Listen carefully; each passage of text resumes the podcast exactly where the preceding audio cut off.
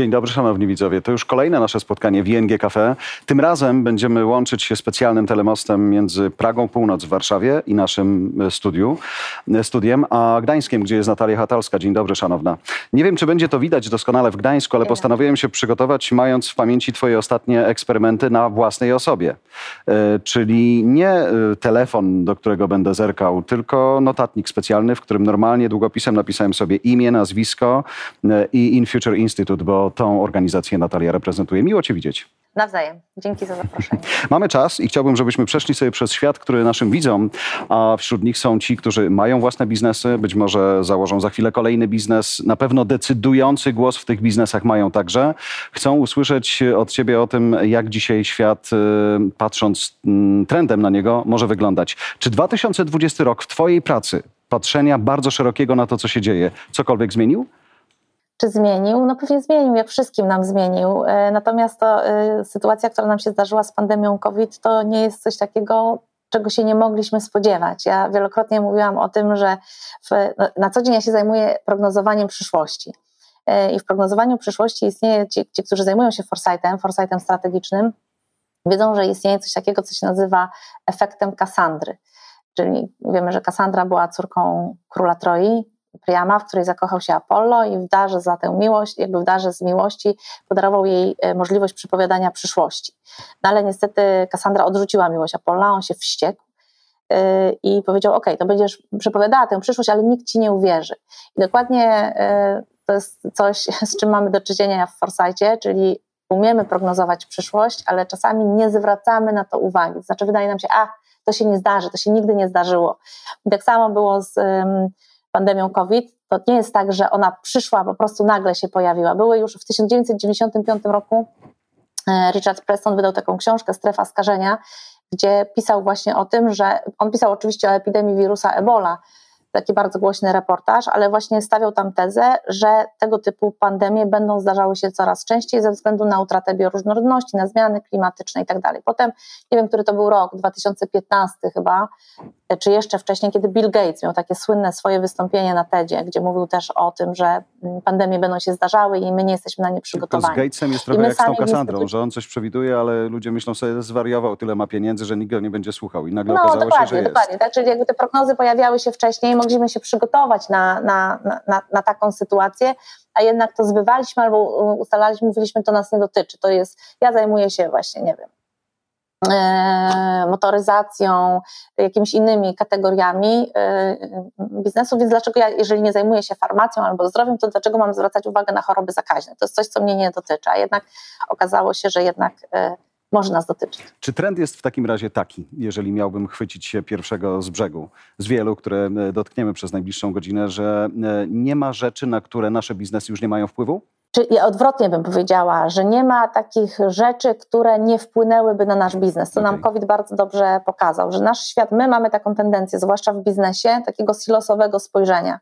To, o czym mówiłam wcześniej, że y, funkcjonujemy w jakimś biznesie i y, y, sprawdzamy tylko to, co dotyczy bezpośrednio tego biznesu. Wszystko, co jest poza, to stwierdzamy, to jest poza nami. Tak, my się tym nie powinniśmy interesować. Czyli mamy takie silosowe podejście, ale cały nasz świat jest skomplikowanym systemem. Nasz świat nie funkcjonuje w silosie. I to nam właśnie pandemia COVID-u do, dokładnie e, pokazała, tak? Czyli gdzieś, wiadomo, że teraz są różne teorie, ale gdzieś ktoś tam w 2019 czy jeszcze pod koniec 2018 roku zjadł tego nietoperza czy tam pancernika, a y, potem mieliśmy taki efekt kaskadowy, efekt motyla, który spowodował, że wszystko się zmieniło. Nawet to, że my dzisiaj się spotykamy online, to jest y, efektem tej sytuacji. To wynika z tego, że cały nasz świat jest ultra skomplikowanym systemem, gdzie wszystkie rzeczy połączone są ze sobą. E, I każda, nawet najmniejsza rzecz, no o efekcie motyla też doskonale e, ten efekt motyla znamy, czyli e, nawet najmniejsza rzecz może wpłynąć na nasz biznes. I, i, i to jest, jak miała powiedzieć, jaka jest najważniejsza lekcja z tej pandemii, tej sytuacji, to powiedziałabym to, że musimy naprawdę bardzo szeroko patrzeć na świat, jeżeli chcemy być przygotowani na przyszłość. I od tego tutaj dzisiaj jesteśmy, szanowni widzowie. Tak jak mówi Natalia, ona w Gdańsku, my w naszym studiu w Warszawie, w ING Cafe. Natomiast to, co też COVID sprawił, to mimo odległości możemy być naprawdę bardzo blisko siebie. Ja, sposób jaki mam na to, żeby was zaprosić tutaj do nas, do studia, rozsiąść się tutaj z nami, z Natalią przy kawie, to jest używanie sobie na czacie. Jeżeli macie jakiekolwiek pytanie, to nie zostawiajcie go na ostatnią chwilę, bo ten moment może być momentem, w którym takich osób będzie za dużo ale śmiało piszcie je już teraz, a ja będę starał się mieć na tyle podzielną uwagę, że będę i z Natalią, i z wami, i z waszymi pytaniami, tak żebyśmy mogli e, czuć się współwinni temu dzisiejszemu, dzisiejszemu wydarzeniu. E, czy dzisiaj, patrząc po e, trendach, prawdą jest, szanowna Natalio, to, że nie ma sensu brać w biznesie dłuższych perspektyw niż powiedzmy pół roku czy rok. Nikt nie powinien już planować pięciolatką czy dziesięciolatką, bo nie wiadomo, co, co będzie w tak długiej perspektywie, więc nie ma sensu tracić na to czasu. Znaczy, ja bym do końca tak nie powiedziała. Wiem, że w biznesie raczej patrzymy krótkimi perspektywami, bo mamy jakieś KPI, -e, cele sprzedażowe, które musimy wypełnić, ale jednak e, patrzenie daleko w przyszłość jest dobre z tego powodu, że przyszłość nie jest nam dana. To nie jest tak, że jak mówimy o scenariuszach przyszłości, to znaczy, że to jest coś, co przyjdzie się wypełni, możemy tylko na to czekać. E, scenariusze przyszłości, w ogóle przyszłość, jest, mówimy o trendach, mówimy po to, żeby jeszcze mieć odpowiednio wcześniej, żeby móc to jeszcze, e, żeby to jeszcze zmienić. Dlatego ja bym z tej perspektywy długoterminowej jednak e, nie rezygnowała, choć wiadomo, że ta perspektywa krótkoterminowa dla biznesu jest zdecydowanie bardziej atrakcyjna. Dzisiaj przechodzimy też taką e, przyspieszoną lekcję digitalizacji, cyfryzacji, zwał jak zwał, ale czy w trendach widać, że to z nami już zostanie? Że wiele biznesów, które nagle musiało wejść w sferę digital, bo tam byli jej klienci przez jakiś czas i tylko tam, nie było ich fizycznie, czy to są biznesy, które już powinny przy tym zostać? E, czy tak naprawdę będzie można z tego świata jednak do realu czy do offline'u na dobre wrócić? To znaczy tak, z tą digitalizacją to w ogóle jest bardzo ciekawa y, kwestia, bo my y, procesie digitalizacji i cyfryzacji naszego świata jesteśmy co najmniej od 2000 roku, czyli od 21 lat. I to się toczyło z różnym skutkiem. Y, I dopiero pandemia y, spowodowała to, że musieliśmy maksymalnie w tej digitalizacji przyspieszyć. Y, I to w różnych obszarach, tak? I w retailu, i w edukacji, i w pracy z domu, w pracy zdalnej. Jakkolwiek to oczywiście e, było trudne w niektórych momentach, no bo to się działo nagle i, i szybko. I oczywiście my od tej digitalizacji nie uciekniemy. E, wiadomo, że nasz świat, ja zresztą stawiam taką tezę, że idziemy w kierunku świata lustrzanego, czyli że całkowicie docelowo przeniesiemy się do świata online y, na różnych poziomach, łącznie, bo teraz jesteśmy na y, trzecim etapie tego świata lustrzanego, czyli pierwszy to była cyfryzacja informacji, to był Google, potem była cyfryzacja relacji, to były media społecznościowe. Teraz jesteśmy na trzecim etapie, kiedy mamy cyfryzację świata fizycznego, cała koncepcja tak zwanych cyfrowych bliźniaków, digital twins. E, I czwarty etap, który jest dopiero przed nami, to jest cyfryzacja zmysłów, czyli wielozmysłowe, multisensoryczne odczuwanie świata, będąc w świecie online, czyli to, że na przykład będziemy mogli czuć, smakować, dotykać e, wszystkimi Ale, zmysłami. Czyli jak się spotkamy w tym czwartym etapie i ING nas zaprosi, to ja będę czuł twoje perfumy, a ty moje? Tak, tak, takie no, to jest założenie. Nawet tak, e, no, ale z drugiej strony, no właśnie, bo jednak musimy patrzeć, że my jako ludzie jesteśmy istotami multisensorycznymi. Mhm. Tak, my mamy swoje własne czujniki. Nasze czujniki to są nasze zmysły i jednak w świecie online, w którym teraz spędzamy bardzo dużo czasu, my głównie bazujemy na dwóch czujnikach naszych, czyli na zmyśle wzroku i słuchu, ale y, wszystkie pozostałe, właśnie o których mówiłam, smak, dotyk, y, nie wiem, przestrzeń w ogóle, y, zapach, jakkolwiek, no to, no to ich nie ma. I dlatego nam się wydaje, że ten świat jest płaski i my tęsknimy za tym światem fizycznym. E, dlatego ta digitalizacja oczywiście będzie się toczyła, ale widzimy pewien taki odwrót, chociaż on też w jakimś stopniu jest zahamowany przez pandemię, czyli odwrót do świata fizycznego, że jednak ludzie mają w sobie ogromną tęsknotę za kontaktem z drugim człowiekiem. I my w trakcie akurat mm, pandemii i po pandemii robiliśmy badanie dotyczące edukacji. To jest trochę inny mhm. temat niż e, biznes, no ale edukacja dotyczy nas wszystkich. Zrobiliśmy badanie e, jakościowe, a potem ilościowe na grupie prawie tysiąca polskich uczniów w wieku od 10 do 21 lat, gdzie zapytaliśmy ich o ich stosunek do takiego scenariusza, gdzie właściwie zostajemy w tej edukacji całkowicie zdalnej, że oni są tylko online. Co się okazało? Y, ogromna większość tych y, dzieci i młodzieży powiedziała, że oni nie chcą takiego scenariusza, że y, ten świat, który jest całkowicie online i ten rok kiedyś w ten sposób się uczyli, to spowodował, że oni się czuli bardziej samotni, że to niszczyło relacje, że gorzej zapamiętywali. I widać było taką ogromną, ogromną tęsknotę za, za jakby kontaktem za drugim człowiekiem. Dla nich na przykład marzeniem było to, żeby była taka zasada w lekcjach online, żeby wszyscy mieli włączone kamerki, żebyśmy mogli sobie zobaczyć własne twarze, tak? I widać, czyli mamy w sobie jako ludzie, owszem, my się zanurzamy w ten świat cyfrowy i tak jak powiedziałam, nie uciekniemy od niego, ale jednak rozumiemy różnicę między takim kontaktem, no na pewno też czuję, że mm. różnicę jak rozmawiamy tak niż gdybyśmy byli obok siebie albo w Pradze, na, na Pradze Północ. Myślę, że byłaby zupełnie inna energia. Jakby te, tematycznie pewnie tak, poradzilibyśmy tak, sobie tak samo, natomiast energię mielibyśmy zupełnie inną. Ja to widzę z kolei przez ostatni rok, jak to bardzo wpływa także na przedsiębiorców, którzy nagle muszą być hostami. Oni muszą wyjść na scenę i czy swoim zespołom, czy swoim klientom coś powiedzieć przez kamerę i oni, im trudno jest uwierzyć, że oni przez tę kamerę są w stanie do kogoś dotrzeć. Oni się blokują, jest cisza, nie, nie są w stanie dostać żadnej energii od nikogo, kto by przed nimi był i słuchał, więc to jest, to jest rzeczywiście e, trudne. I obiecuję, że te, do tego świata digitalnego w nawiązaniu trochę do twojej książki wrócę, cały czas trzymając notatnik w ręce, nie sięgając w ogóle po żaden Super. digitalny... Ale co, jeszcze chciałam a propos tego, e, tego doświadczenia, tak. o którym mówiłeś, który mają, którzy mają przedsiębiorcy. Ja mam bardzo podobne doświadczenie, e, no bo ja, jakby część mojej pracy to jest występowanie mhm. i robienie prezentacji. I przed pandemią ja występowałam po prostu na sali, gdzie było, nie wiem, 300 osób, 500 osób, czasami nawet to było tam ponad 1000 czy 3000 osób. I y, jak występowałam na sali, to widziałam reakcję użytkowników, czyli widziałam twarze ludzi, mhm. widziałam energię sali i tak dalej. A teraz jest tak, że ja często mówię, albo patrząc sama na siebie, albo patrząc tylko na ekran y, monitora. I to jest naprawdę bardzo trudne, bo człowiek ma takie poczucie, jakby mówił sam do siebie i nie wie, czy nawet teraz, ja tak. nie widzę ludzi, którzy nas słuchają. Nie wiem, czy nawet Ale piszą do czata. ciebie. To ja z przyjemnością będę z niego korzystał, bo to rzeczywiście okay, mam nadzieję, że długnie okay, ja nawet nie widzę czata, więc nawet nie wiem, jak, czy ludzie się zgadzają, zgadzają czy właśnie zgadzają. może jednak się nie zgadzają. Choć pytania są przeróżne i zacznę od tego, które było jednym z pierwszych, jeśli moglibyście podsunąć je trochę do góry. Nie pamiętam już imienia autora, ale mówi tak, pani Natalia. Dobra, dobra, zanim pójdziemy dalej, czy widzi pani, no skoro jesteś e, e, przewidywaczką, to on cię pyta, czy będzie hossa teraz. E, to znaczy, czy będzie taki moment, że rzeczywiście wszyscy stęsknieni różnych rzeczy będą na potęgę kupować, kupować, kupować.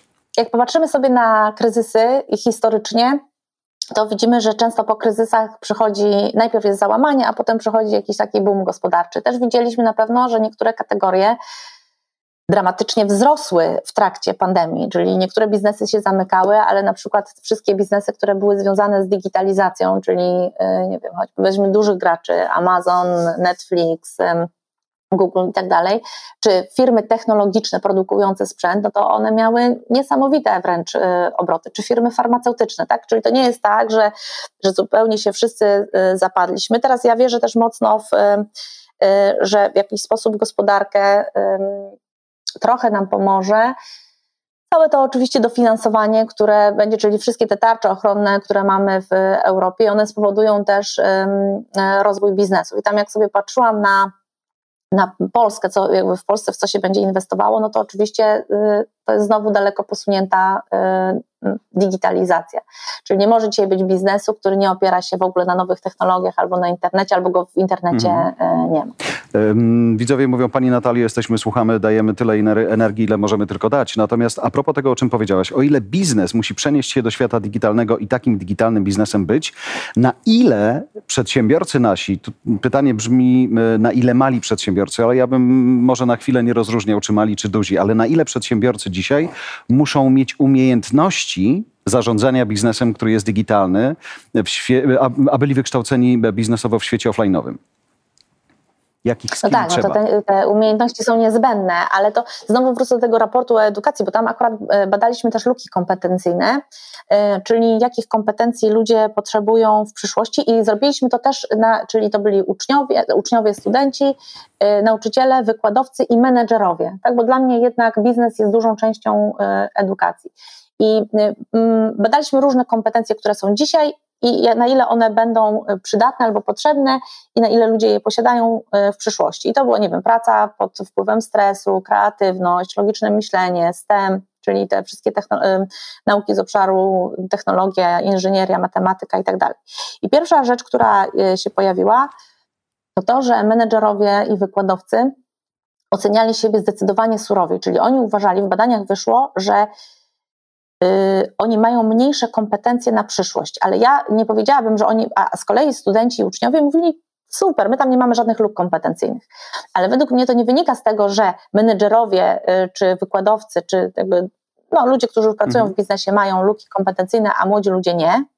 Y, wręcz przeciwnie, w mojej ocenie menedżerowie i czy biznes i edukacja, akademia mają większą świadomość zmian, i większą świadomość tego, jak bardzo sami potrzebują cały czas y, być w tym trybie tak zwanym lifelong e, learning. I to jest pierwsza rzecz. A druga rzecz, która wyszła, to to, że potrzebne nam są też kompetencje miękkie. Ja wiem, że dzisiaj bardzo dużo mówi się o digitalizacji, o technologiach, o właśnie o STEM, ale tak naprawdę w tym digitalnym świecie czy w cyfrowym świecie potrzebne będą nam takie kompetencje jak na przykład kreatywność albo kompetencje umiejętności słuchania, kompetencja współpracy, y, przekazywania y, wiedzy, czyli takie powiedziałabym miękkie kompetencje, y, które są niezbędne, bo też na przykład zobaczmy sobie, jak my pracujemy jako, jako ludzie, pracujemy, ale też uczymy się.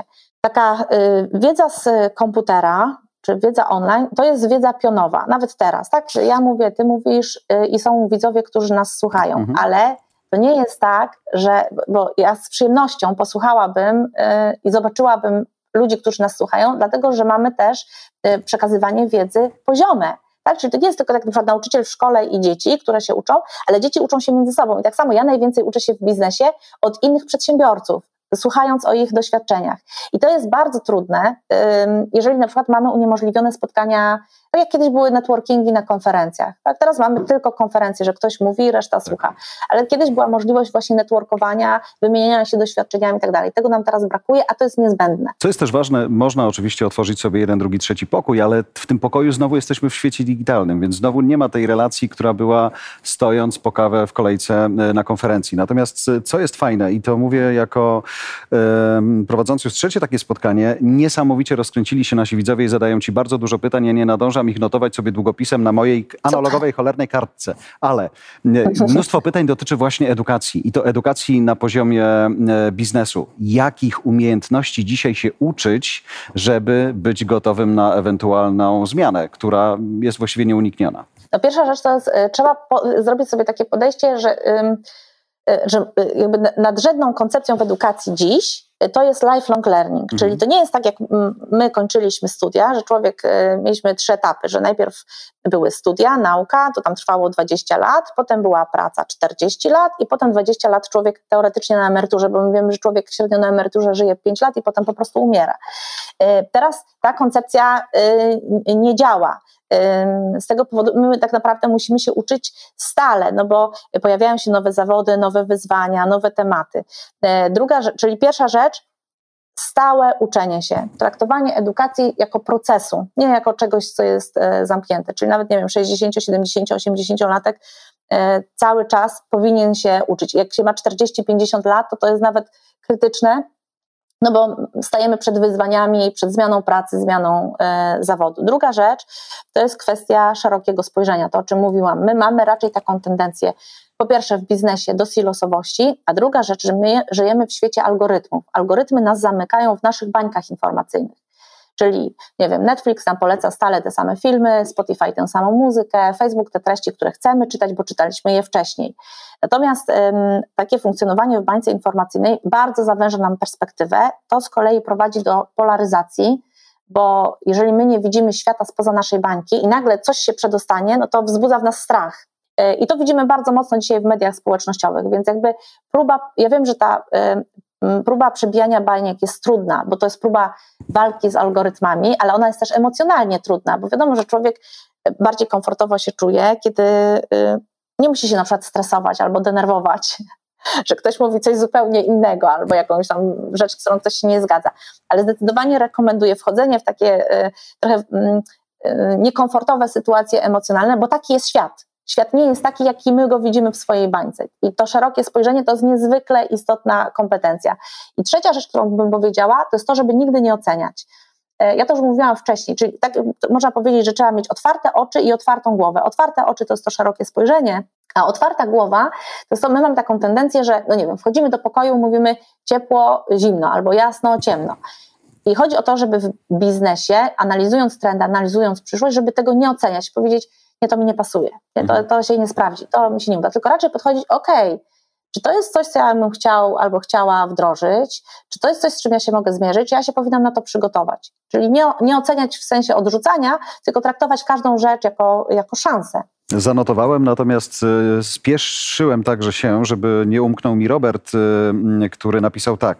Oglądamy uważnie, bo tworzymy z użyciem AI taką aplikację, która będzie z automatu kierowała wzrok, podnosiła twoje oczy na ekran, krótko mówiąc. Super, to jest to super. To poproszę od razu nazwę firmy. Ja wiem, że już istnieją Intel, między innymi pracuje nad takim rozwiązaniem. To jest dokładnie y, super, bo teraz widzisz, ja patrzę dlatego w dół, tak. bo chcę patrzeć na ciebie. Dobrze. Y, Bardzo nie dziękuję. mamy takiej technologii, która umożliwiałaby nam pracę. Musiałabym patrzeć w kamerę no. i pewnie teraz mnie widzisz, Idealne. ale ja ciebie nie widzę. Idealne.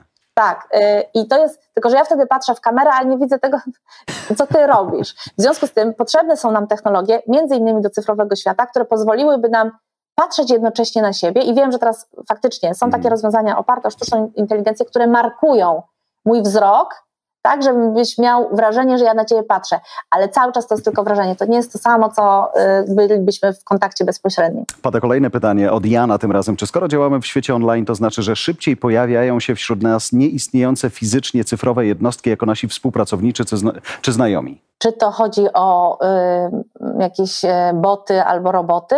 Nie, nie, nie dokładnie rozumiem pytanie, bo oczywiście tak. Przez... On, to pytanie się kończy w tym momencie, w którym ja je skończyłem, ale może rzeczywiście być to tak rozumiane. Uważaj przy okazji, przepraszam cię, na ten mikrofon, który masz pięknie przypięty Aha, ja tutaj... tutaj. Tak, i go cudownie dotykasz Dobrze, i wtedy ja tam... nasi słuchacze mówią, oła Natalia, uwaga, moje uszy. Więc uwaga okay, na mikrofon. Okej, okay, dobra, dobra, więc to dużo gestykuluję. Dobrze. Ja to lubię.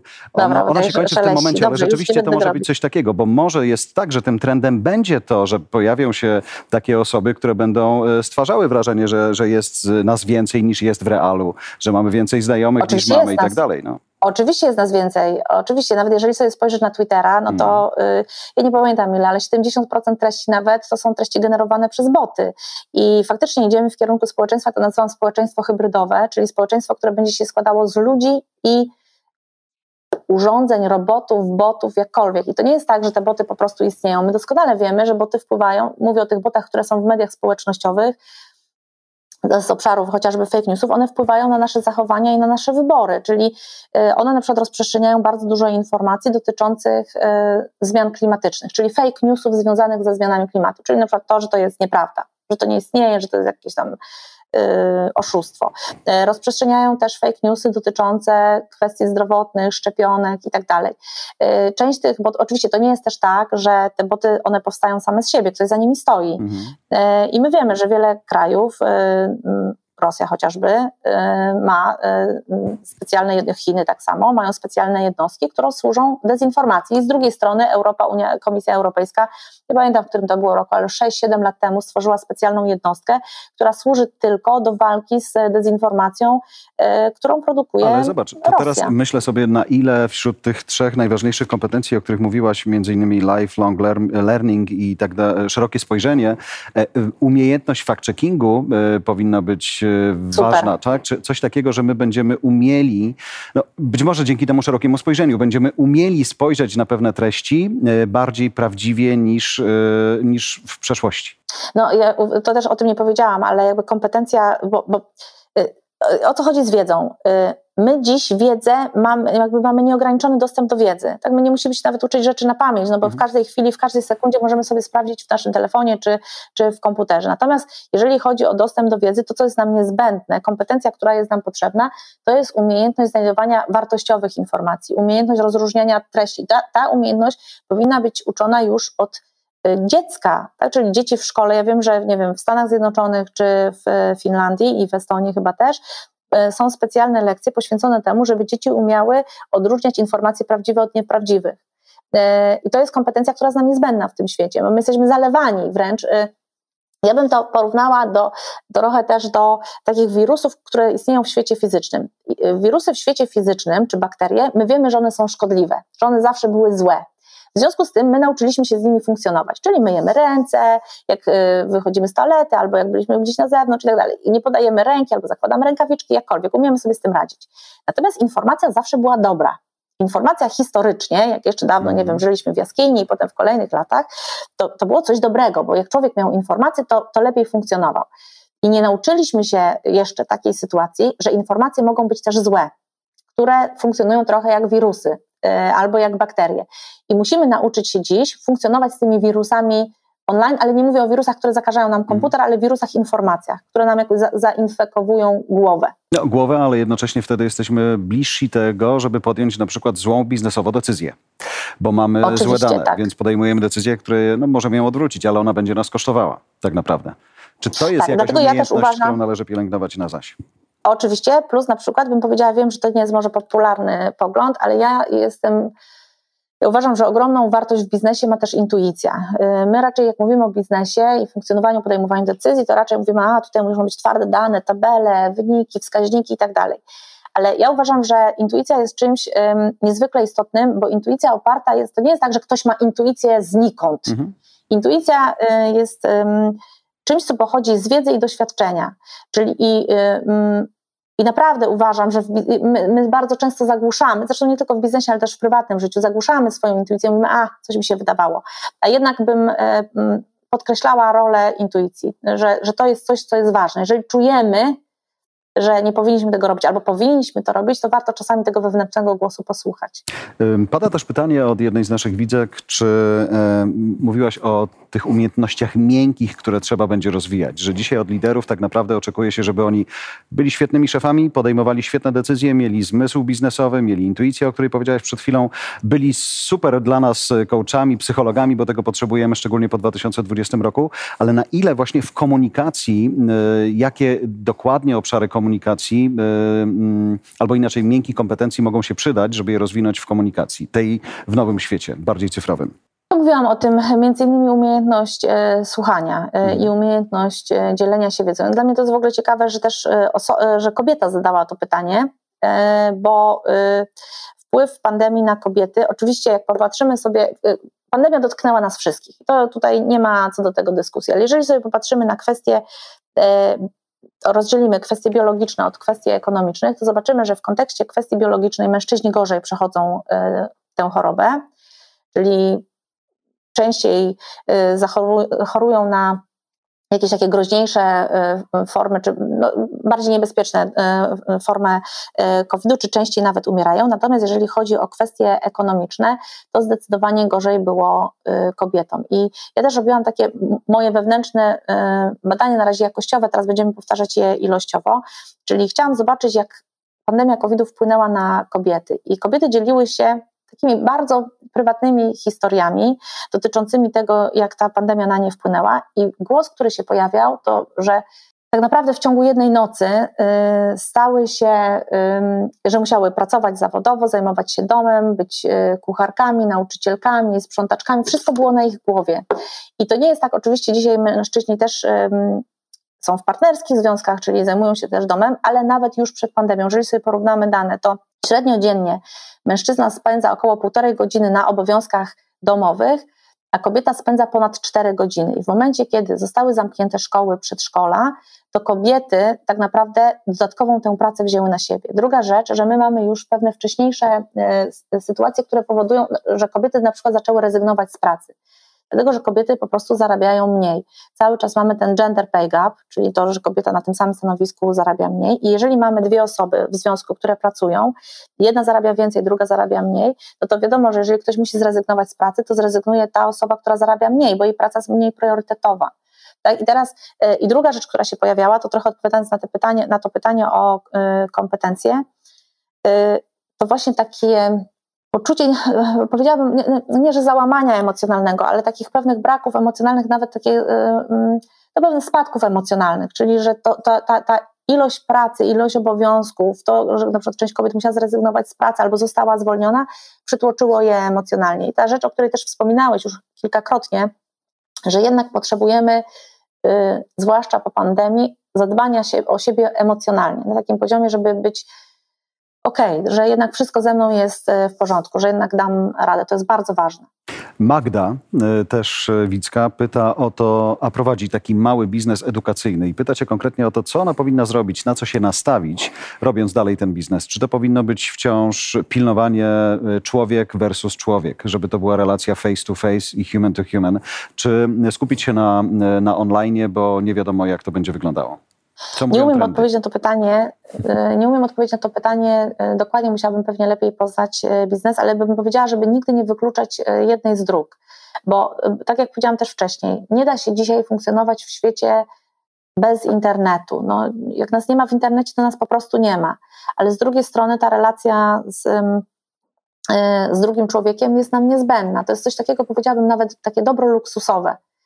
Czyli tak jak możemy sobie wyobrazić w przyszłości, że będą autonomiczne samochody, które będą po prostu nas gdzieś wozić. I możemy sobie wyobrazić, że taksówkarz, czyli jakby znikną taksówkarze, no bo nie będą potrzebni, no bo będzie samochód, który będzie sam jechał, ale możemy sobie wyobrazić, że taki taksówkarz to będzie taka tak, tak, tak, dodat za dodatkową dopłatą, że będę mogła jechać z drugim człowiekiem i z nim, e, e, z nim rozmawiać. W takich bardzo rozwiniętych gospodarkach, jak sobie spojrzymy w Japonii chociażby, no to widać ogromną tęsknotę za relację z drugim człowiekiem. Na przykład są takie y, w Japonii istnieją takie rozwiązania, które umożliwiają na przykład ludziom zapłacenie za to, żeby się do siebie nawzajem przytulić. Czyli to nie jest e, e, usługa seksualna, że ja idę do domu publicznego i korzystam z usług seksualnych, tylko idę do miejsca, w którym mogę po prostu położyć się do łóżka z drugą osobą i się do niej przytulić. To, to nie ma żadnego podtekstu mhm. seksualnego, to ma po prostu być kontakt fizyczny z drugim człowiekiem. I widać, że to jest coś. Yy, czego nam po prostu w tym świecie płaskim, cyfrowym bardzo brakuje. Zatęskniłem za Japonią, choć pamiętam, że kiedy próbowałem kiedyś rano wydostać się, a nie było innej możliwości, na targ Tsukiji, gdzie była licytacja tuńczyka i trzeba było pojechać taksówką, to akurat e, przyjeżdżał stary model e, japońskiego samochodu. Taksówkarz był za szybą, mimo że wtedy jeszcze nie było pandemii, w białych rękawiczkach, nie odzywał się ani słowem, nawet nie dotykał klamki, żeby drzwi się otwierały automatycznie, zamykały automatycznie, wsiadałeś w ciszy i powiem ci, że miałem ochotę rzeczywiście, pomyślałem sobie, za zapłacę kilka e, groszy za to, żeby, żeby się odezwał. Ale e, ten świat jest daleki, czy ten świat jest w miarę bliski za to, że w aplikacji będziemy mogli sobie wybrać żywy czy maszyna? Mm, ja myślę, że to jest jednak dosyć bliskie, bo nam się wydaje, że te rzeczy, rozwiązania są bardzo dalekie, ale my już dzisiaj widzimy, że z jednej strony jesteśmy, to taki paradoks, e, że jesteśmy w świecie, który jest Nigdy w życiu nie byliśmy tak połączeni z drugim człowiekiem, jak jesteśmy dziś. Tak, mamy telefony, mhm. aplikacje, media społecznościowe, sekunda i możemy z drugą osobą być w kontakcie, a jednocześnie mamy, i to wiemy doskonale, mamy pandemię samotności, czyli coraz większa liczba osób jest e, samotna. I wiadomo, że to też na to ma wpływ to nadużywanie technologii czy nadużywanie mediów e, społecznościowych, które też mają takie funkcjonalności, e, które sprawiają, że na przykład nie traktujemy człowieka jako człowieka, tylko właśnie jako bota, czy jakiegoś awatara, mhm. no bo to jest jakaś odległa osoba, która ma tylko jakąś ikonkę yy, i łatwiej nam jest powiedzieć, aha, no to jest jakaś ikonka, to jeżeli na przykład atakujemy kogoś w internecie i cały ten hejt, który jest, yy, czy ta cancel culture, żeby po prostu zniszczyć człowieka, niezależnie od tego, co on zrobił, no to jest nam łatwiej, bo to nie jest dla nas prawdziwy człowiek z jego doświadczeniami, emocjami, przeżyciami, tylko to jest po prostu ikonka w internecie, więc wydaje mi się, że to nie jest aż tak daleko. Wiadomo, że rozwiązania, no ja ostatnio byłam w zeszłym roku byłam online, oczywiście na takiej konferencji, specjalnie się na nią wybrałam, bo był tam taki chiński e, naukowiec, który trzy lata temu czy cztery lata temu wziął ślub z robotem, którego sam zbudował. Zakładam, mhm. że i chciałam posłuchać po prostu o jego doświadczeniach w tym małżeństwie. Kłócą się? słucham? Kłócą się chociaż Czy się trochę? kłócą? Nie mówił o tym. Ale chyba nie, właśnie nie, no, bo, bo, jednak roboty są zawsze skonstruowane tak, żeby robiły dokładnie to, co my im mówimy. To jest rola, ale wiesz co, myślę sobie, to co mówisz teraz a propos tego, że ludzie um, traktują pewne osoby fizycznie istniejące, ich konta internetowe jako coś tak naprawdę digitalnego, więc mogę sobie tą reprezentację Polski wczorajszą sponiewierać w sekundę, bo przecież okej, okay, to są żywi ludzie biegający na boisku, ale w sieci to oni są tylko zamknięci za swoimi kontami. Natomiast e, słyszę też już o takim układaniu biznesu, gdzie nikt nie dyskutuje B2B, B2B2C, już nawet H2H e, jest czymś oczywistym, że dzisiaj się mówi human to maszyna, będzie za chwilę H2M. No tak, tak, nawet mówimy o takich rozwiązaniach, to już takie, no, bym powiedziała, bardziej futurystyczne, chociaż to futurystyczne dla mnie to z perspektywa, no nie wiem, 15-20 lat do mm. przodu, czyli cały obszar BCI, yy, czyli Brain Computer Interface, gdzie idziemy w kierunku tego, żebyśmy mogli za pomocą tylko myśli sterować urządzeniami. I to jest naturalny krok, w którym zmierzamy, bo nawet zobaczmy sobie na ewolucję komputerów. Kiedyś, żeby sterować komputerami, musieliśmy pisać jakieś tam skomplikowane oprogramowania, potem mieliśmy myszkę, teraz mamy dotyk w telefonie, mamy też już gest, zaczynamy na przykład możliwość przesunięcia czegoś gestem i docelowo idziemy, możemy komunikować się z urządzeniami za pomocą głosu, nie wiem, Google Assistant, Alexa, jakkolwiek i docelowo idziemy w kierunku tego, że będziemy mogli tylko pomyśleć, coś, żeby to urządzenie zareagowało. No nad tym pracuje m.in. Elon Musk w ramach swojego Neuralink, ale też wszyscy duzi gracze, nie wiem, Apple, mm. Samsung i tak dalej, pracują nad takimi rozwiązaniami, bo, no bo jeżeli mamy urządzenie mobilne i teraz musimy e, wbijać kod, jakkolwiek nam to przeszkadza, no to będziemy mieli takie, że pomyślimy sobie, że chcę, ja chcę do ciebie zadzwonić, i po prostu mój telefon sam do ciebie zadzwoni, nas połączy. Ja wczoraj tak miałem, tak, kiedy się umawialiśmy na dzisiejsze spotkanie. Myślę sobie, dzwonię do Natalii, a tu pyk, i byli połączeni, przegadywali sobie tematy, zdradzając trochę kuchni. Y, są fajne pytania, jedno właściwie stwierdzenie od psychologa naszego widza, który pisze tak. Przytłoczenie wymaga oddelegowania albo zmniejszenia ilości obowiązków, w przeciwieństwie do stresu, który wymaga podniesienia kompetencji. Bez współpracy par to nie wyjdzie. E, wcześniejsze pytanie jest od e, naszego widza lub widzki, tego akurat teraz nie jestem pewny, e, który prowadzi lub która prowadzi branżę gastronomiczną. W jakim kierunku ten biznes twoim zdaniem będzie szedł? No, ja mam nadzieję, że jednak on się będzie rozwijał, że to jest jednak, mamy w sobie ogromną tęsknotę. Jedzenie na wynos yy, to nie jest to samo, co, co po prostu pójście do restauracji, bo, yy, bo musimy pamiętać, że jedzenie to nie jest tylko jedzenie, czyli jakby przyjmowanie pokarmów. Jedzenie cały czas w naszej kulturze jest pewnym procesem społecznym. Ludzie mają potrzebę sobie posiedzenia i pogadania. Wiadomo, że to jest na bardziej nasilone w krajach śródziemnomorskich, we Włoszech, w Grecji, w Hiszpanii ludzie jedzą obiad pewnie tam czy kolację 4-5 e, godzin i na przykład są restauracje, które tylko blokują stolik, to nie jest tak jak u nas, że stoliki są stale zmieniane, tylko tam się blokuje stolik na 2-3 godziny i tylko jedna rodzina czy jedna para e, spędza czas. Ale e, wierzę, że jednak e, ta, ta branża będzie się rozwijała. Wiem, że ona niestety bardzo ucierpiała podczas pandemii, ale zakładam, że te, ten czas, kiedy teraz już zaczynamy wychodzić, spowoduje, że jednak ta branża mocno mm, odżyje. Beata. Mi bardzo się. brakuje kawiarni i restauracji, bardzo. No, w ostatnich może to nie były trendy jakieś wielkie, ale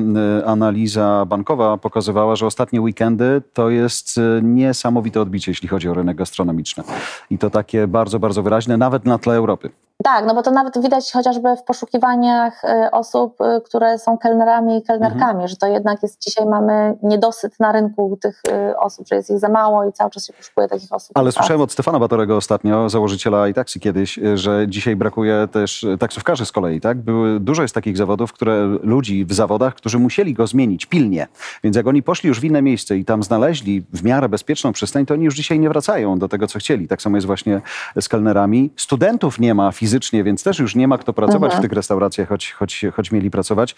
No i ceny siłą rzeczy ich pracy co się przekłada na ceny jedzenia, też bardzo wyraźnie poszły w górę. Ale to jest dobry moment, żebym zostawił to pytanie, które właśnie przyszło, a wrócił do pewnego wcześniejszego. Jakie Twoim zdaniem zawody są w tym momencie zagrożone? To znaczy, co będzie znikało, a na co się w takim razie powinniśmy e, przerzucać, jeżeli to możliwe? To, to, to, może nie powiem o samych zawodach, ale powiem ogólnie o podejściu, bo e, jak sobie spojrzymy na mm, piramidę zatrudnienia, nie wiem, czy widać? widać. Teraz widać. Jest piramida zatrudnienia. Wyszło, ale idealne. No, trójkąt powinien, powinien być trójkąt. To na, do, na, samym dole tego trójkątu mamy osoby, które mm, mają bardzo niskie kompetencje. Na samej górze tego trójkąta mamy osoby, które mają bardzo wysokie kompetencje, a w środku są osoby, które mają takie kompetencje średnie i e, różne. I teraz patrząc na ten świat, jak on się zmienia, na rozwój sztucznej inteligencji, całą posuniętą digitalizację i technologizację, to najprawdopodobniej te y, paradoksalnie znów y, wypadną y, z rynku te osoby, które są w środku.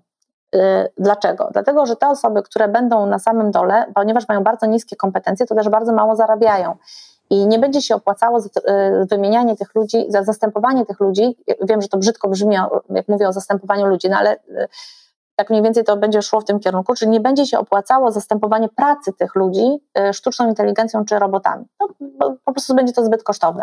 Z kolei ci ludzie, którzy są bardzo wysoko w obszarze kompetencji, oni będą ciągle niezbędni, bo to nie jest tak, że my przejdziemy do świata opartego o technologię i ta technologia będzie sama. No, ktoś musi nią zarządzać, ktoś musi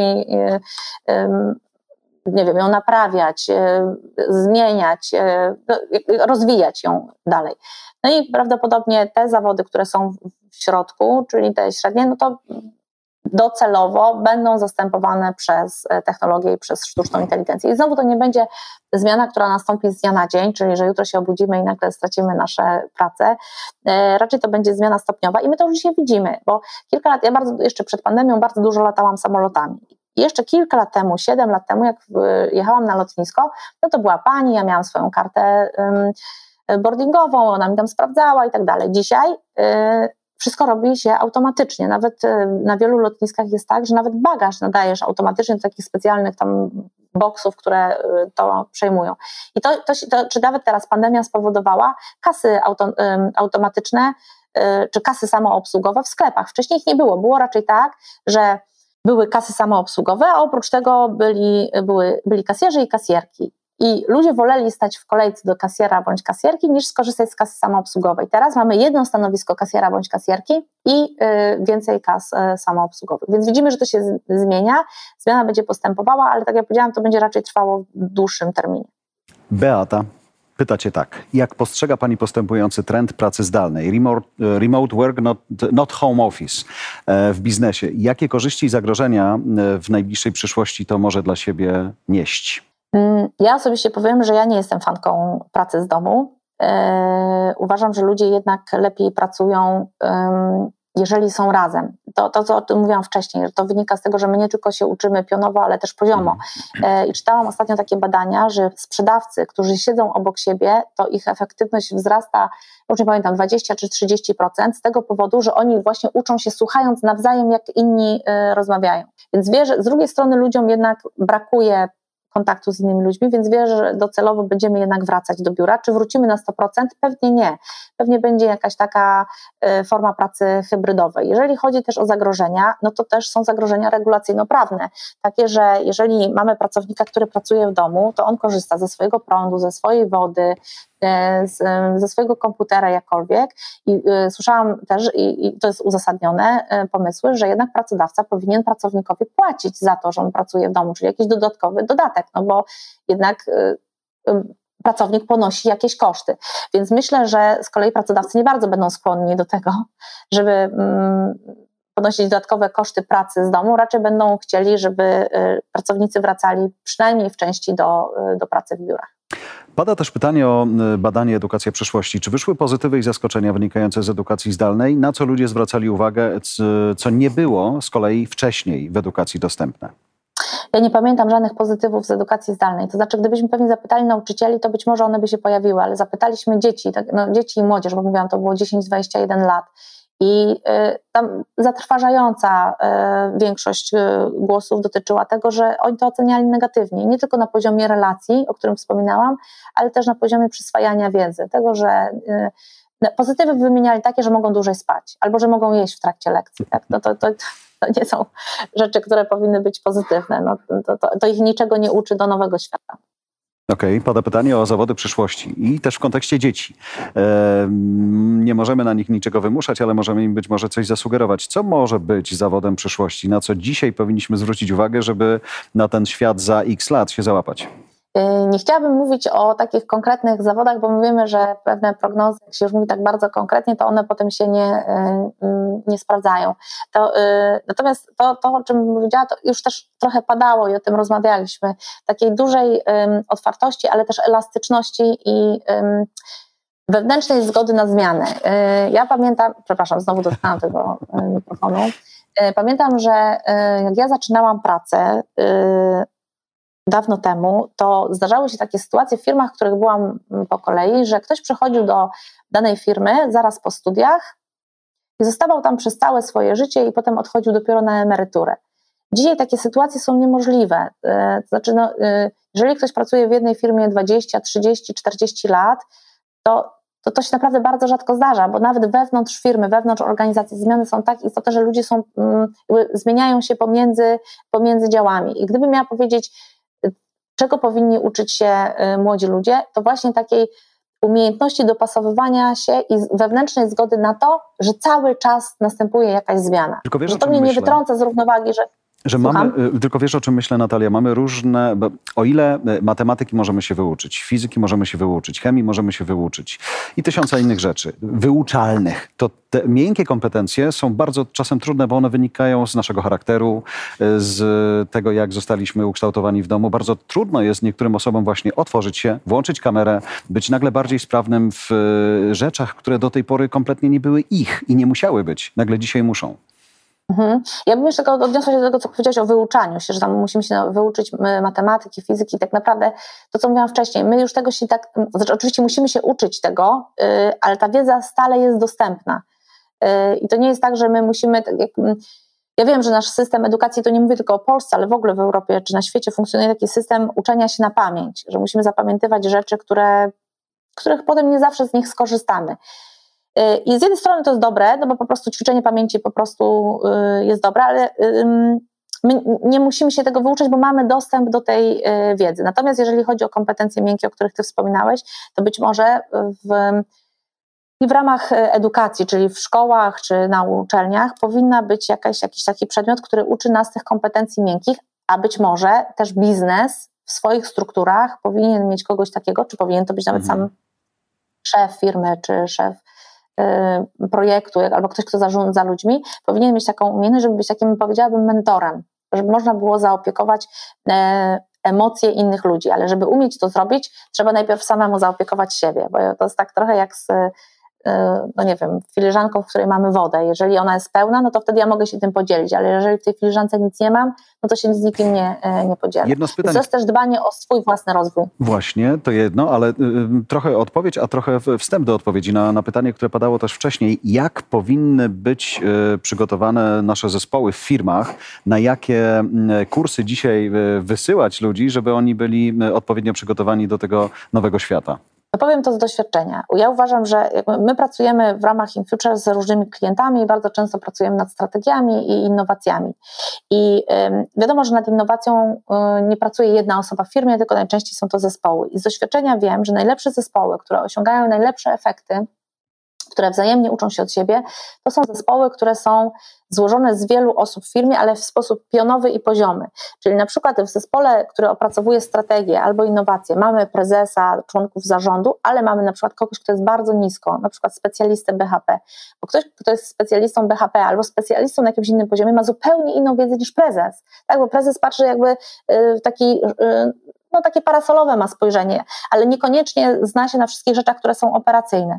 Czyli mamy taki przekrój pionowy, ale z drugiej strony mamy przekrój poziomy, czyli że nad innowacjami albo strategią nie pracuje tylko dział strategii albo dział innowacji, tylko mamy finanse, księgowość, dział prawny, e, dział rozwoju, produkcję, jakkolwiek, sprzedaż. E, I dzięki temu możemy łączyć bardzo wiele kompetencji i wiele punktów. To, ja cały czas o tym mówię, jakoś jak się wokół tego kręcimy, tego szerokiego spojrzenia, czyli że widzimy perspektywę różnych osób, różnych, różnych działów. I wiadomo, to dotyczy dużych organizacji, ale też małych organizacji, bo w małych organizacjach mamy problem z tak zwanym sterowaniem ręcznym, czyli prezes albo właściciel firmy mówi: OK, ale ja wiem najlepiej, jak to zrobić. Chodzi o to, żeby też oddać, to chyba właśnie w pytaniu padło, y, y, albo ktoś skomentował, skomentował, że trzeba umieć oddać y, i delegować pewne zadania. I też oprzeć na tym, na przykład ja powiem też na swoim przykładzie, jak ja buduję swój zespół. Ja zawsze buduję zespół w taki sposób, że zatrudniam kolejną osobę, która ma kompetencje, których ja nie mam. E, I dzięki temu my naprawdę jesteśmy super różnorodnym zespołem, ale bardzo uzupełniającym się, bo każdy ma inne kompetencje i to jest bardzo ważne. E, I nawet w niewielkich organizacjach jest to możliwe do zrealizowania, czyli żeby zatrudniać te osoby nie, żeby obawiać się tego, że ktoś, kto ma inne kompetencje niż ja, no to on będzie lepszy ode mnie. No tak, jest lepszy ode mnie w innym obszarze, ja jestem dobra akurat w tym. E, więc zdecydowanie rekomenduję takie podejście. Pada pytanie od Jana, czy Twoim zdaniem ludzie wrócą do tęsknoty, a właściwie nawet fizycznego podróżowania dalej, czy wciąż to będzie odkrywanie tego, co nam najbliższe? Jakie są trendy albo co widać tak naprawdę y, po tym ostatnim roku, kiedy się przyzwyczailiśmy, że te Tatry właściwie to możemy odkryć na nowo po raz enty? Ten trend lokalności w turystyce, on był widoczny jeszcze przed pandemią, był związany głównie ze zrównoważonym rozwojem. Czyli żeby y, podróżować w sposób zrównoważony, że nie tylko samolotami, albo właśnie zrezygnować y, z y, samolotów, ale też kolejami i żeby odwiedzać, bo my mamy taką tendencję do odwiedzania, to jest duży problem, odwiedzania miejsc, które są bardzo instagramowe, czyli ktoś już je, już je wcześniej zobaczył, zrobił zdjęcie i my chcemy też tam pojechać. To powoduje ogromny problem no bo wtedy te miejsca są bardzo zatłoczone. Przykładem chociażby jest Wenecja, gdzie Wenecja jest miastem, w którym mieszka, nie pamiętam, 20-30 tysięcy ludzi, a rocznie do nich przyjeżdża 30 milionów turystów. E, I Wenecja zmaga się dzisiaj z ogromnym problemem. Nawet ja ostatnio byłam na Biennale e, w Wenecji i żałuję, ale e, już jeden czy dwa dni po moim wyjeździe był w Wenecji ogromny protest. Chciałam. Tak, pierwszy duży statek się pojawił po przerwie że wpłynął dokładnie pierwszy duży statek, bo to nie chodzi tylko o liczbę osób, ale na przykład problemy związane właśnie z, ze zmianami klimatycznymi. Na przykład okazało się, że w Wenecji pojawiła się bakteria, która została przywieziona gdzieś z okolic właśnie Japonii, która jest bardzo ekspansywna i która wchodzi w, która zaczyna się namnażać tam w Wenecji i na przykład blokuje ubikację. I oni mają ogromny problem z Mm, z kanalizacją. Tak? My, my nie rozmawiamy y, o, o, takich problemach w tym kontekście, więc zdecydowanie wydaje mi się, że ten trend lokalności będzie rósł. Być może zdarzy się tak, bo mamy też takie technologie jak wirtualna rzeczywistość czy rozszerzona rzeczywistość, tylko ja uważam, że to nie jest to samo, że będziemy zwiedzać te bardzo odległe miejsca w, w sposób cyfrowy. I być może w tym 2030-2040 roku, kiedy do świata cyfrowego dołożymy zmysły, że będziemy mogli czuć zapach kwiatów, albo właśnie coś dotknąć, no to być może będziemy zwiedzać e, cyfrowo miejsca, które kiedyś były dostępne, a teraz już nie są. Teraz próbuję sobie wyobrazić trzęsienie ziemi, które zawsze można wywołać. Nie tak się trzęsą fotele na niektórych filmach w kinach już, otwartych zresztą. Tak. No ale na no, przykład no, już na taki wulkan eksplodujący na Islandii patrzeć przez, chociaż no, jak założymy odpowiednie okulary i to się wszystko pojawi, może to być tylko wstęp. Y, może, może to będzie tylko wstęp. Ale pada pytanie, mm, szanowna pani Natalia, od Magdy pytanie, a propos Chin. Czy sądzisz, że w niedalekiej przyszłości, nie wiem jaką Magda zakłada perspektywę, y, ale że będzie w niektórych społeczeństwach innych niż chińskie, taki system, który w Chinach jest widoczny. Oceniamy, dajemy rating, od ratingu zależy kredyt lub inne rzeczy? E, mam nadzieję, że nie, e, ale tak naprawdę on, e, to znaczy, że on nie będzie wdrożony na poziomie państwowym, jak został wdrożony w Chinach, natomiast musimy mieć świadomość, że on w Europie, w Stanach Zjednoczonych już istnieje. Takie ratingi przyznają nam firmy technologiczne. No, Google wie o nas wszystko. Jeżeli sobie, jeżeli ktoś korzysta z Chroma i z Gmaila i jeszcze ma Google Asystenta i korzysta z map Google'a, to Google naprawdę wie o nas wszystko. Robi dokładny, bo jeszcze łączy nas, jakby łączy te dane z naszą konkretną osobą, czyli tworzy nas, nasz doskonały profil. Na tej podstawie proponuje nam y, oferty, produkty, zniżki, jakkolwiek. I z jednej strony to nam ułatwia funkcjonowanie w codziennym życiu, no bo na przykład dostajemy oferty reklam, rzeczy, których akurat szukamy, ale z drugiej strony, to co mówiłam wcześniej, maksymalnie zawęża naszą perspektywę. My po prostu zostajemy na co dzień zamknięci w takiej, można powiedzieć, jakiejś klatce, z której trudno nam, nam się jest yy, wydostać. Jeżeli chodzi o wdrażanie takich rzeczy na poziomie państwowym, tak jak powiedziałam, mam nadzieję, że to się nie wydarzy, z tego powodu, że jednak my w Europie czy, czy w Stanach Zjednoczonych mamy trochę inne podejście do prywatności yy, i yy, jestem przekonana, że spowodowało, że jakby wiązałoby to się z dużym z no, dużą niezgodą, niezgodą społeczeństwa na wykorzystanie. Nawet teraz, jeżeli mamy te aplikacje, które mają służyć do e, trakowania tego, kto zachorował na COVID. Ja nie wiem, jaki jest procent wykorzystania, ale to nie marny, jest tak, że 90% marny, albo 100%. Marny. Nie, nie, to no, jest marginalny tak. E, procent wykorzystania. Ludzie nie chcą po prostu nie tego chcą. robić, a w Polsce szczególnie, bo my mamy jednak doświadczenia y, komunizmu i, i, to jednak w nas zostaje, więc jakoś nie, nie, nie, nie nie zakładam, żeby to się spełniło. Mam dwa pytania. Zanim Ale większym zagrożeniem dla mnie jest to, że jesteśmy śledzeni przez, yy, przez spółki technologiczne. Dwa pytania, zanim przejdę do ostatniego związanego z książką, która na jesieni powinna się pojawić, a dotyczy życia bez technologii, albo przynajmniej w ograniczonym zakresie. Czy Twoim zdaniem to, że dzisiaj wszystko można kupić online, wpłynie na wzrost konsumpcjonizmu? E, nie wiem, czy wiązałabym to koniecznie z e, onlinem. E, raczej wiązałabym to z innym takim megatrendem, czyli właśnie ze zrównoważonym rozwojem i świadomym konsumpcjonizmem. Też pandemia nam to pokazała i to widzieliśmy w naszych badaniach, że ludzie jednak, jakby pandemia trochę ich zatrzymała w sensie, żeby zobaczyli, ile rzeczy posiadają. Że czasami są to rzeczy, które są niepotrzebne. Y, I że część ludzi, głównie te młodsze pokolenia, one jednak, oczywiście, to też nie chciałabym generalizować, bo w młodszych pokoleniach z jednej strony mamy ludzi, którzy, no, no nie wiem, strajk klimatyczny, właściwie taki świadomy konsumpcjonizm, a z drugiej strony mamy ludzi, którzy kupują buty, to widać taką dużą grupę, no, chociażby na Instagramie, nie wiem, kupują buty za 15, 20, 30 tysięcy złotych, na to zbierają pieniądze. Ale zakładam, że jednak trend jest taki, że y, będziemy ograniczać konsumpcję, no bo y, tyle, że to będzie wynikało, wymagało pewnej redefinicji w ogóle funkcjonowania naszego świata, bo nasz świat oparty jest o wskaźniki ekonomiczne, tak? czyli wskaźniki dotyczące um, produktu krajowego brutto, in, poziomu inwestycji, poziomu konsumpcji i tak dalej. I jeżeli nasz świat opiera się o te wskaźniki, no to konsumpcja jest nam potrzebna, bo te wskaźniki rosną, jeżeli rośnie konsumpcja.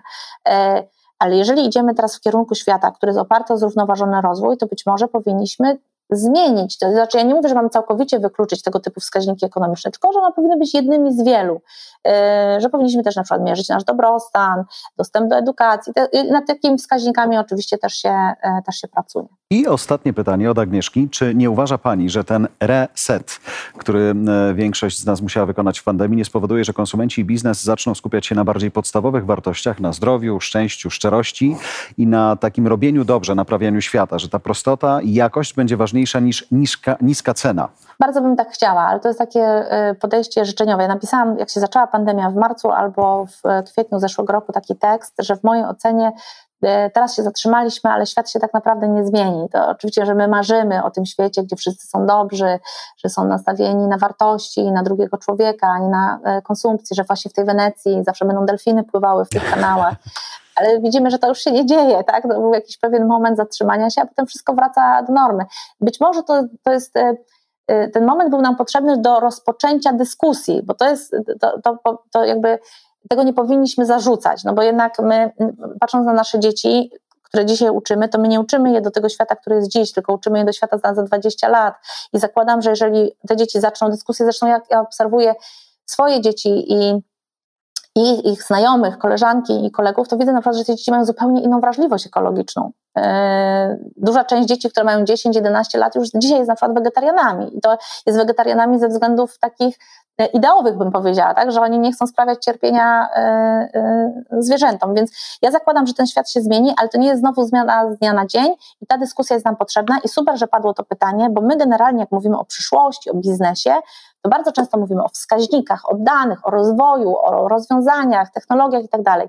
A bardzo ważne jest i super, dlatego mówię, że super, że to pytanie padło, że powinniśmy zacząć też rozmawiać o wartościach. To jest dla nas ważne, w którym kierunku zmierzamy. I być może, jeżeli zaczniemy o tym rozmawiać, ja wiem, że to jest niekomfortowe, bo nam się wydaje, że czasami mamy może różne wartości, albo nie możemy się w tym obszarze ze sobą do, porozumieć, ale jeżeli zaczniemy rozmawiać o wartościach, to zakładam, że jednak ten świat będzie lepszy. Mhm.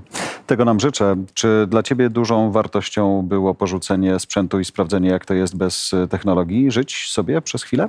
Przez miesiąc, tak, hmm. tak. Yy, tak, to było bardzo cenna lekcja yy, dla mnie. To nie jest tak, że ja to zrobiłam po to, żeby się teraz całkowicie wyłączyć z technologii, tylko bardziej chciałam ułożyć swoją relację z technologią na swoich zasadach. Czyli to, co mówiłam wcześniej, nami dzisiaj jakby w pewnym stopniu kontrolują nas spółki technologiczne, czyli właśnie algorytmy i to, co powinniśmy wybierać, media społecznościowe, ciągłe powiadomienie, to są specjalne kolory ikonek, które nas też uzależniają, powodują wyrzuty dopaminy. I stwierdziłam, ok, to ja teraz zrezygnuję na miesiąc e, z korzystania z, ze smartfona przede wszystkim e, i zobaczę, czego mi naprawdę brakuje. I jeżeli mi to brakuje, to do tego po miesiącu wrócę, jeżeli nie, to co zostawiam. I e, nie brakowało mi w ogóle mediów społecznościowych. I po tym miesiącu je z telefonu odinstalowałam. Czyli ja w telefonie w ogóle już teraz nie mam ani Facebooka, ani Twittera, ani LinkedIna, nic. To jest tylko w komputerze, ja z tego już teraz e, świadomie korzystam. I odzyskałam też czas. Ale TikToka rozumiem, że zostawiłaś chociaż, nie? Nie, ja w życiu nawet nie korzystałam ja z TikToka. Jestem za stara na to. Tak. To jest, nie, nie, to jest zupełnie nie mój kanał. E, nie, nie. Zamykanie nie. świata w 15 sekund, to jest wyzwanie. My zamknęliśmy naprawdę fajny świat w 60 minut i to jest bezcenne i tego się trzymajmy. Natalia Hatalska, In Future Institute i zobacz właśnie to, o czym mówiliśmy. Normalnie poprosiłbym publiczność, żeby biła ci brawo. I ja zakładam, że oni naprawdę to teraz robią i tego ci też bardzo mocno życzę. Dziękuję za twój czas, za twoje, twoją wiedzę, Kassandro i e, byłaś inną Kassandrą. My uwierzyliśmy w to, co mówisz. Super, to cieszę się. Dziękuję bardzo. Wszystkiego dobrego. Szanowni widzowie, Natalia dobrego Hatarska. dnia. Dobrego Do dnia, była gościem ING Cafe. Ja wam dziękuję za to spotkanie, bo dawno tak e, miło mi się z wami nie współpracowało. Nie, żeby wcześniej było gorzej, ale tych pytań dzisiaj rzeczywiście było dużo i to dla nas też, myślę, ważna sugestia, żeby właśnie w tą stronę iść, kiedy możemy ze sobą bardzo pogadać, kiedy wy możecie współuczestniczyć w tym spotkaniu, a jednocześnie jest to taka wiedza, która pozwoli nam, zakładam, bo też dla siebie sporo wziąłem i mój notatnik jest pełny y, cytatów z, z Natalii, przygotować się tak, żebyśmy podejmowali lepsze decyzje, mądrzejsze decyzje i wychodzili na tym po prostu, e, mm, chciałem powiedzieć, e, na, na różowo, żeby to nasze biznesowe życie wyglądało, ale wszędzie tutaj mamy pomarańcz, więc tego koloru się na koniec trzymajmy. Bardzo wam dziękuję, nazywam się Jarosław Kuźniar i to było naprawdę fajne przedpołudnie. Do zobaczenia.